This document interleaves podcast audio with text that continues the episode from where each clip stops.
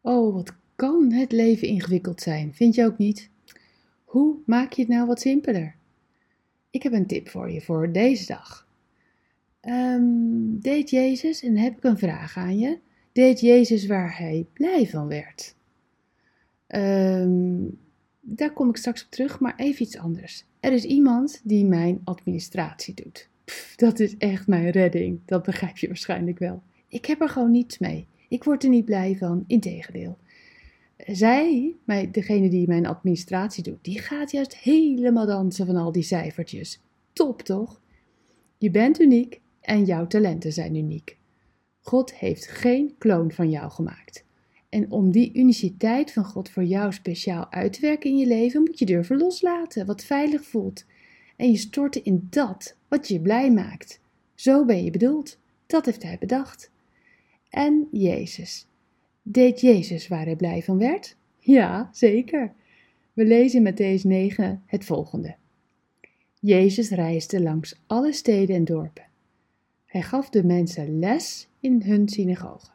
Hij vertelde het goede nieuws van het koninkrijk en hij genas. Hij genas alle ziekten en kwalen. Ik denk dat Jezus hier zo blij van werd. Denk je niet? En dan gaan we verder. Toen hij de grote groep mensen zag, had hij heel veel medelijden met hen. Mensen helpen was echt zijn daad van liefde, zijn roeping. En nog steeds. Jou mogen helpen is één van zijn vele kwaliteiten. Hij wil dat je doet waar je blij van wordt. Echt waar. Dat is ontdekken wat je van God hebt ontvangen aan kwaliteiten. Ga zien, ga het ontdekken, ga het zoeken.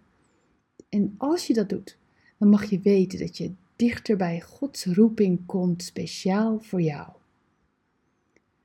In de Bijbel staat in Romeinen 12, vers 6: We hebben allemaal van God verschillende gaven gekregen.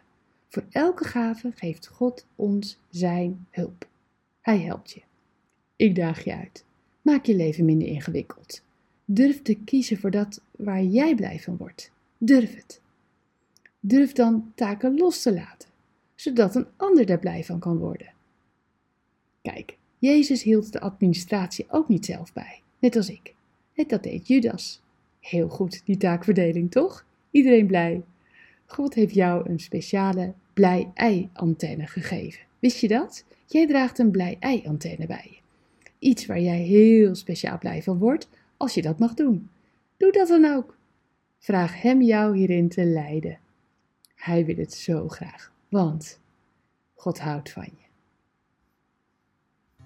Bedankt voor het luisteren naar Ik Wonder Jou. Hebben de woorden je hart geraakt en de teksten je geïnspireerd? Gun ook anderen Ik Wonder Jou. Meld ze aan bij www.ikwonderjou.nl. Ik ben zo blij dat je bestaat.